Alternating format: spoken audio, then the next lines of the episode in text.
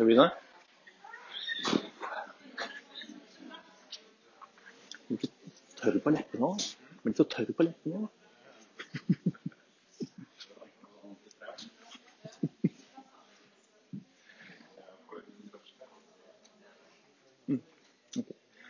Velkommen til gudstjeneste i Faderens, Sønnens og Helligåndens navn. Først eh, et preludium.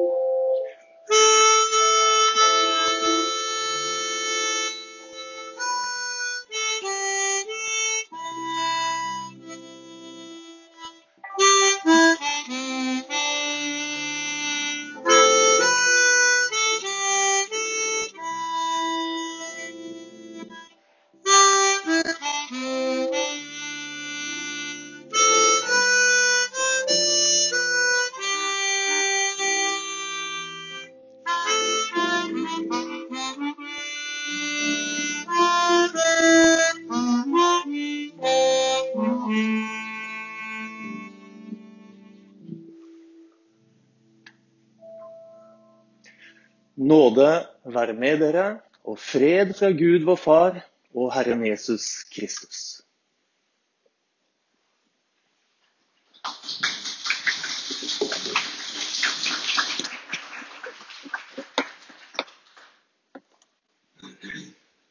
Vår første kunngjøring er det at eh, jeg aner ikke hvorfor jeg skal gjøre sånne dumme ting, for jeg blir jo helt skjelven. Jeg skal bare få det ut. Eh, Jeg sendte feil på, som vanlig eh, på fellesmailen. Det er ikke grillavslutning på tirsdag som kommer for helaften. Det er jo om en uke igjen.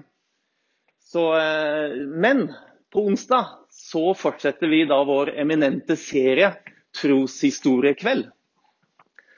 Noe som i hvert fall jeg personlig gjør, gjør, synes at denne kvelden blir veldig spesiell. Og noe ekstra å ta med seg er at han som skal fortelle sin troshistorie, han har vært prest i Den norske kirke men er nå sogneprest i Sankt Theresia katolske kirke. Så det å høre om den reisen, det tenker jeg, det blir spennende. Hjertelig velkommen klokken sju på onsdag. Så er det kveldsmat. Alle er velkomne. Søndag som kommer, så er det gudstjeneste for alle aldersgrupper. Sånn type gudstjeneste betyr at det er en lett gudstjeneste å ta med seg venner og eh, nabounger osv. Og, så og barn og barnebarn. Da blir det en litt mer sånn aktiv, aktiviserende gudstjeneste. Istedenfor at, nei, at barna går ned på søndagsskole, så er søndagsskolen her. For å si det enkelt. da. Vi fortsetter da temaserien om bergprekenen. Og da skal vi lese etter skjulte skatter.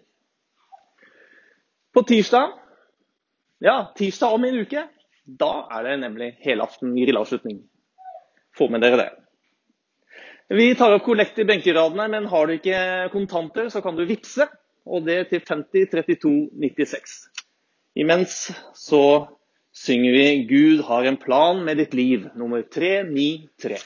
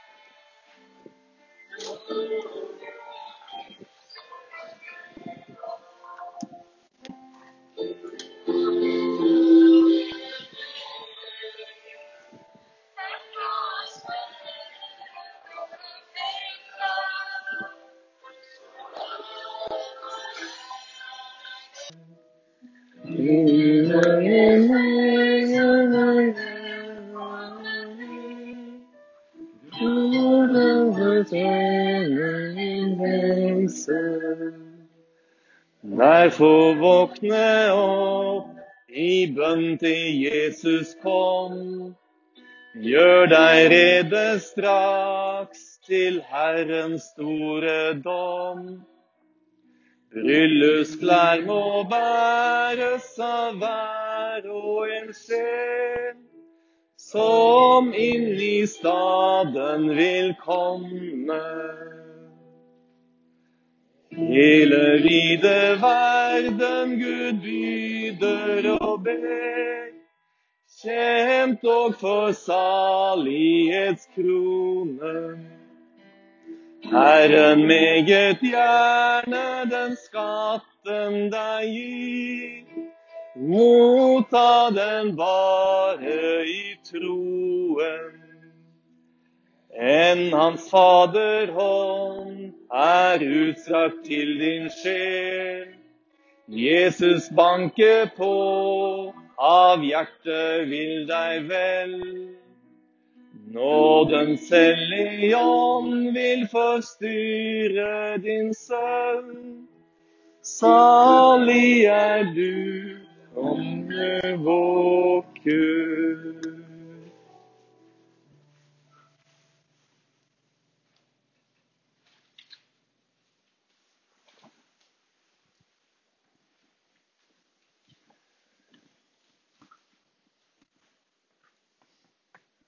forhold å sette henne i, dere altså.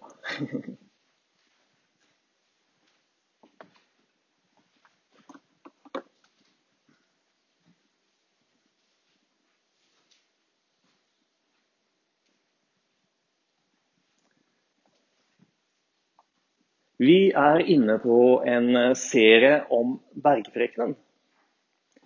Eh, og før jeg går liksom på denne eh, episoden, så en kort, liten repetisjon av forrige gang. Og Det vi kom fram til forrige gang, er at bergprekenen, Matteus 5, 6 og 7, de er rettet først og fremst til disiplene. For sånn står det skrevet i Matteus 5, det første verset. Da Jesus så folkemengden, gikk han opp i fjellet. Der satte han seg, og disiplene samlet seg om ham. Og jeg har tenkt at Det er veldig rart at når Jesus så folkemengden, at han ikke da samlet dem om seg og sa Hør her, sånn er Guds rike. Men det han gjør, det er å ta seg en fjelltur og hans nærmeste, det er de som er sammen om ham. Og sånn starter bergprekenen. Bergprekenen det er en beskrivelse av Guds rike, og det er en beskrivelse av de som bor i Guds rike. Hvem er det som bor i Guds rike? Jo, det er Guds barn. Hvem er det som er Guds barn? Jo, det er de som er født på ny av vann og ånd. For bare sånn, sier Jesus, kan man komme inn i Guds rike. Så bergprekenen kan man lese som et speil. Du ser inn i speilet, og der ser du bergprekenen, og den beskriver Sånn er du egentlig. Slik er du. La oss be sammen.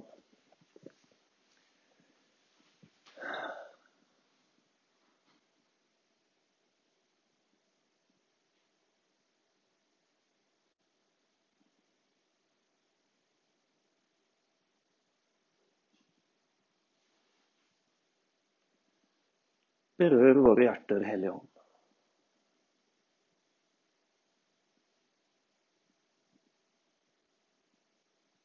I Jesu navn. Amen.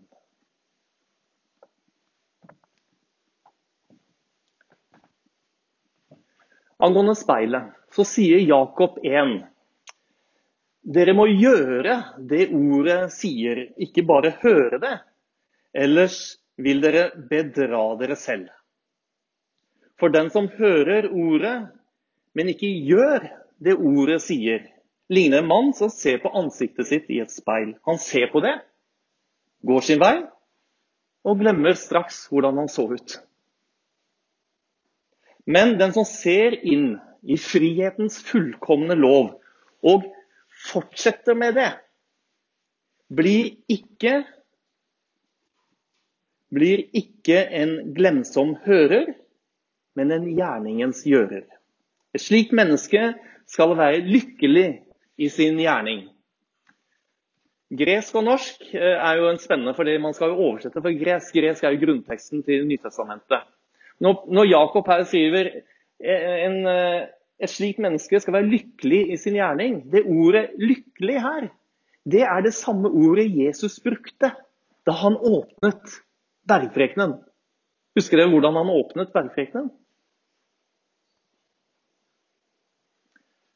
Salig. Lykkelig. Velsignet. Salig er den som er fattig i ånden, for himmelriket er deres. Salig er, salig er, salig. Lykkelig er, lykkelig er. Og Jakob tar opp dette igjen og sier en slik menneske er lykkelig, er salig i sin gjerning. Så bergprekenen starter med saligprisningen. Salig det betyr folk som gratuleres med sin utrolig heldige eller lykkelige tilstand nåtidig og fremtidig. Og så skjønner vi det at, at det å være salig i Guds rike, det er noe helt annet enn å være salig ute i verden ellers. Så gå hjem og les saligprisningen sjøl, så skjønner dere det. For nå skal vi gå et hakk videre. Og Der vi sluttet av forrige gang, det var etter da Jesus sa dere er jordens salt. Og dere er jordens lys.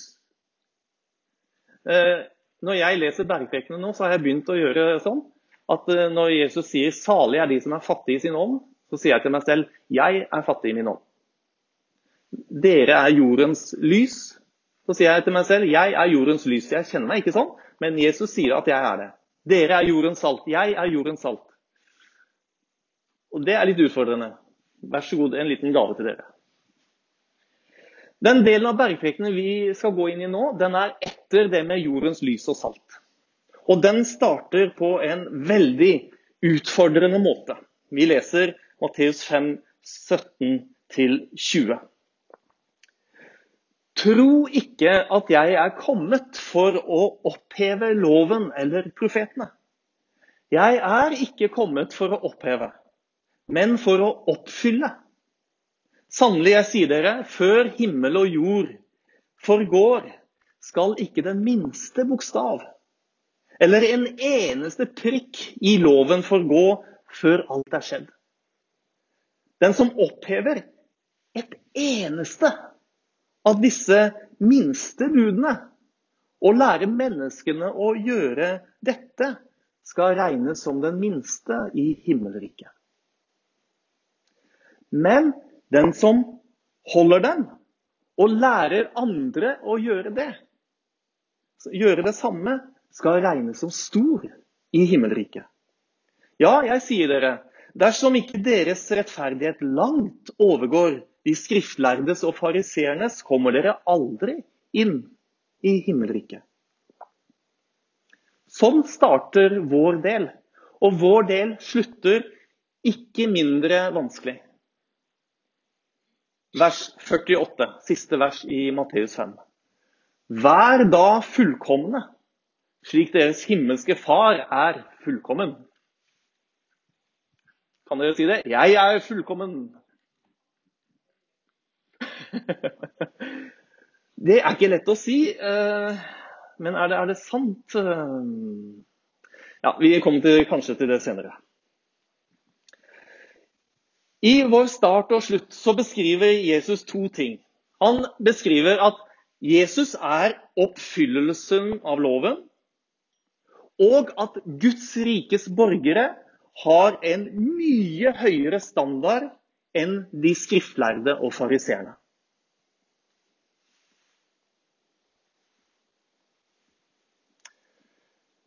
I vers 17 Matteus 5 så sier Jesus Tro ikke at jeg er kommet for å oppheve loven eller profetene. Jeg er ikke kommet for å oppheve. Hva betyr å oppheve?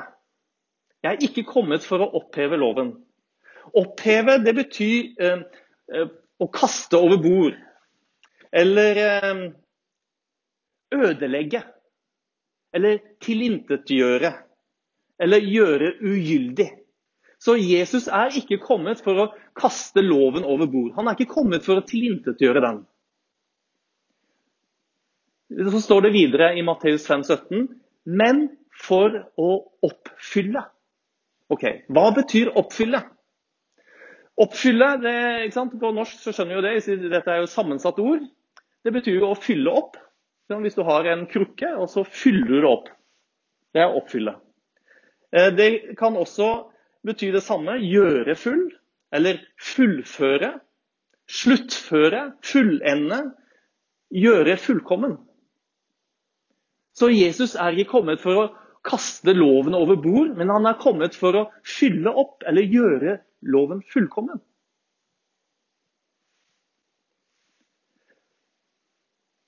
Og det, sånn som jeg nevnte at den måten å oversette på, Sånn oversettes disse greske ordene ulike steder i evangeliene. Så det er ikke noe jeg har funnet på sjøl, altså. Matteus 5, 48 så sier Jesus, vær da fullkomne, slik deres himmelske far er fullkommen. Ah, hva betyr fullkommen? Jo, andre steder i Nytestamentet så oversettes det ordet med helhjertet. Vær da helhjertet slik deres himmelske far er helhjertet.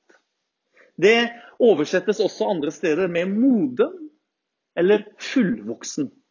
Vær da fullvoksne, vær da modne, osv. Jakob 1,25.: Men den som ser inn i frihetens fullkomne Der er det samme greske ordet fullkommen. Inn i frihetens fullkomne lov og fortsette med det blir ikke en glemsom hører, men en gjerningens gjører. Så ved å rette blikket mot speilbildet, frihetens fullkomne lov, som Jakob kaller det, så blir vi forvandlet ved at sinnet fornyes. Og Jakob han sier det, den som ser inn i frihetens fullkomne lov én gang.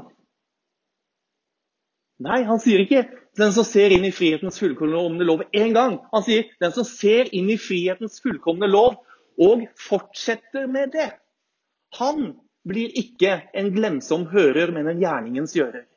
Og I Gamle Testamentet så står det mange steder at denne loven skal dere ha på, ha på, deres, i, deres, på deres, tunge. og Tenke på det natt og dag og, og, snakke om det til deres barn. og Du skal liksom grunne på hans lov natt og dag. ikke sant?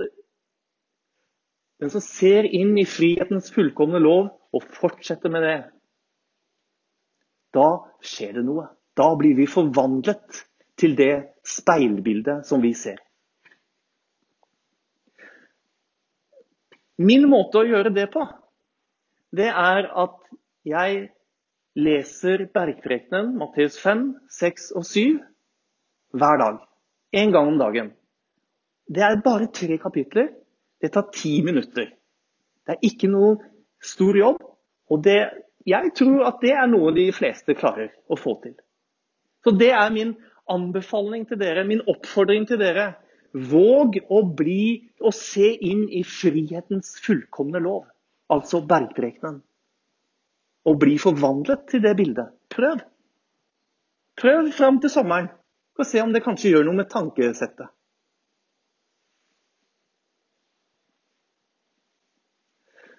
I Matteus 5, 19, så sier Jesus den som opphever et eneste av disse minste budene og lærer menneskene å gjøre dette, skal regnes som den minste i himmelriket, men den som holder dem og lærer andre å gjøre det samme, skal regnes som stor i himmelriket. Er dette evangeliet?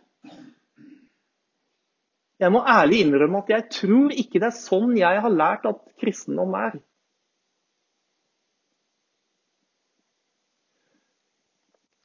Kan vi kjenne det igjen fra andre steder hvor Jesus oppfordrer oss til å, å lære andre mennesker? Ja, det er det vi kan. Det er de siste Vi er jo i Matteusevangeliet nå. De siste versene i Matteus, husker dere hva det handler om? Altså Matteus 28. Misjonsbefalingen, ja. Og hva står det i misjonsbefalingen? Jeg har fått all makt i himmelen og på jorden. Gå derfor og gjør alle folkeslag til disipler. Døp dem til Faderens, Sønnens og Den hellige ånds navn, og lær dem å holde alt det jeg har befalt dere. Når jeg er ute og enten er og vitner for folk, eller har konfirmasjonsundervisning, eller vil fortelle folk om, om troen, kristendommen Det er vel stort sett alt annet enn bergprekenen jeg lærer dem, tror jeg. Jeg lærer dem om eh, treenigheten om trosbekjennelsen. Jeg lærer dem om eh, dåpen. Jeg lærer dem om nattværen. Jeg lærer dem om bønn. Eh, hvor viktig det er å, å bygge opp troen. Hva er det Jesus ber oss om? Lær dem å holde alt det jeg har befalt dere. Hva er det Jesus har befalt oss? Ja, det er i hvert fall bergprekenen. Nå lærer Jesus om andre ting også gjennom i Matteusevangeliet. Men jeg tror at bergprekenen det det, det er, jo kjernebudskapet Jesus hadde med seg når han gikk fra landsby til landsby og underviste. Og der står det dessverre svært lite om tro. Og det irriterer meg. Det står ett sted om tro i bergprekenen. Og det er det første som verset vårt starter med i dag. Tro ikke. Sånn starter vår del av bergprekenen, tro ikke. Og det ordet, greske ordet for tro er ikke tro engang. Det er egentlig mer 'tenk ikke at'. Skjønner? Så hele, så ingenting om tro sånn som vi kjenner det eh, i bergprekenen. Og bergprekenen den avslutter Bergprekenen avslutter eh, med lignelsen om huset bygd på fjell. Vær den som hører disse mine ord og gjør det de sier, ligner en klok mann som bygde huset sitt på fjell. Hva, hva, tror dere Jesus peker tilbake på da? Vær den som hører disse mine ord. Jo, da holder han på å avslutte bergprekenen. Da er det jo selvfølgelig bergprekenen han peker på.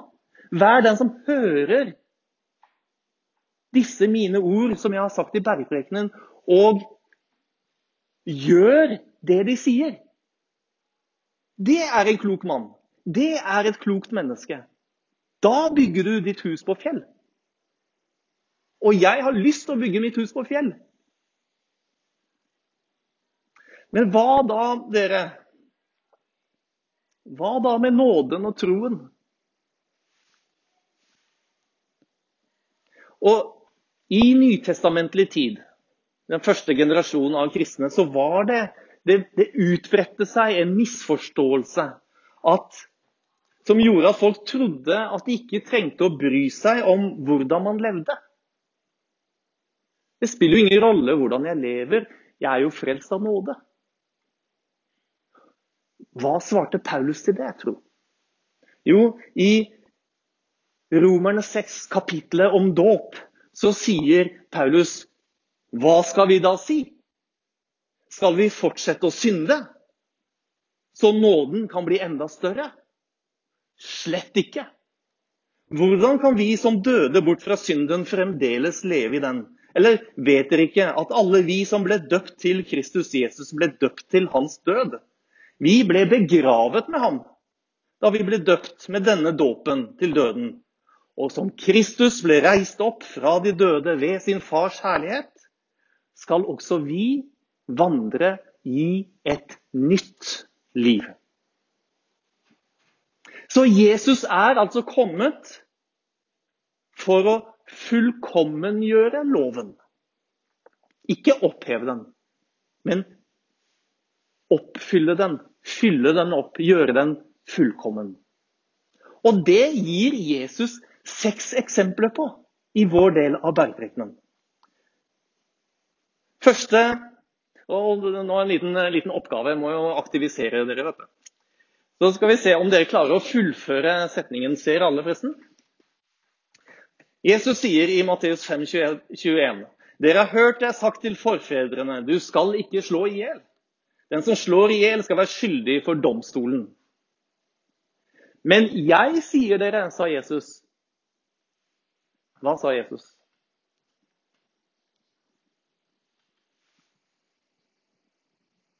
Litt høyere.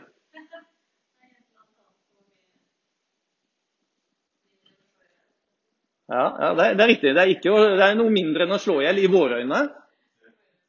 Er det noen som har noen forslag? Ja, der har vi det. Der, der den. den. Den begynner sånn. Men jeg sier dere, den som blir sint på sin bror, skal være skyldig for domstolen. Mm, det var første eksempel. Andre eksempel, vers 27. Dere har hørt det sagt. Du skal ikke bryte ekteskapet. Men jeg sier dere Å, den kunne dere!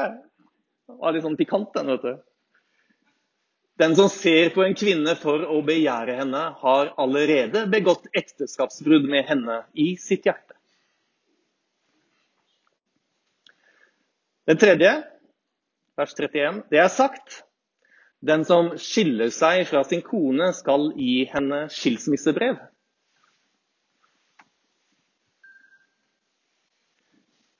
Men jeg sier dere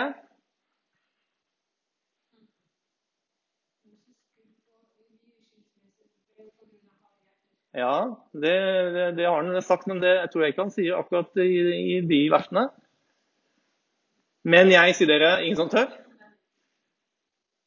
Den som skiller seg fra sin kone av noen annen grunn enn hor, han blir skyld i at det begås ekteskapsbrudd med henne. Neste, vers 33. Dere har også hørt det er sagt til forfedrene, du skal ikke sverge falskt, og du skal holde det du har lovet Herren med ed. Men jeg sier dere Ja, bra. Dere skal ikke sverge i det hele tatt.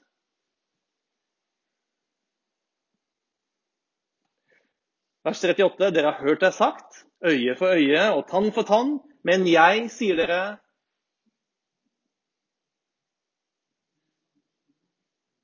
Ja, det er samme settingen, ja. Sett dere ikke til motverge mot den som gjør ondt mot dere. Den siste, vers 43. Dere har hørt det sagt, du skal elske din neste og hate din fiende. Men jeg sier dere, du elsk deres fiender. Altså, dette her, dere, det handler om å være fullkommen. Altså helhjertet og barmhjertig, lik vår Far i himmelen. Og det er bare mulig ved å gi vårt hjerte til Ham. Hjertet ditt i det naturlige, som du ble født, har ikke sjans. Du må gi ditt hjerte til han. Det er han som gjør ditt steinhjerte til et kjøtthjerte. Det er han som kan forvandle ditt hjerte og fullkommengjøre det. Det handler om å se sin egen skrøpelighet og tilkortkommenhet. Altså la Guds nåde ta bolig i oss. Det handler om å se på frihetens fullkomne lov og Jesus Kristus. Eller som Jesus sier det i den første saligprisningen. Salige er de som er fattige i ånden, for himmelriket er deres. Jeg klarer ikke det sjøl. Du har ikke sjans. Ingen av oss har sjans. Salige er de som er fattige i ånden. Salige er de som er fattige i seg selv, og blir det også oversatt. Paulus forklarer det i Romerne 8. Så er det da ingen fordømmelse for den som er i Kristus Jesus.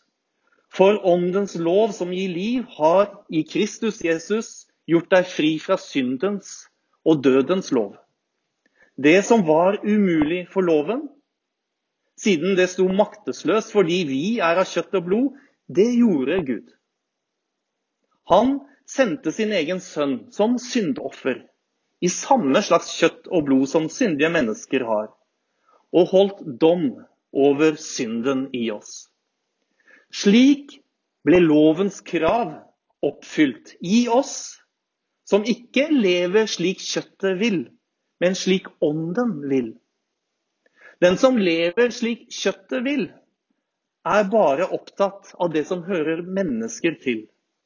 Men de som lever slik ånden vil, er opptatt av det som hører ånden til. For det kjøttet vil, er død. Men det ånden vil, er liv og fred.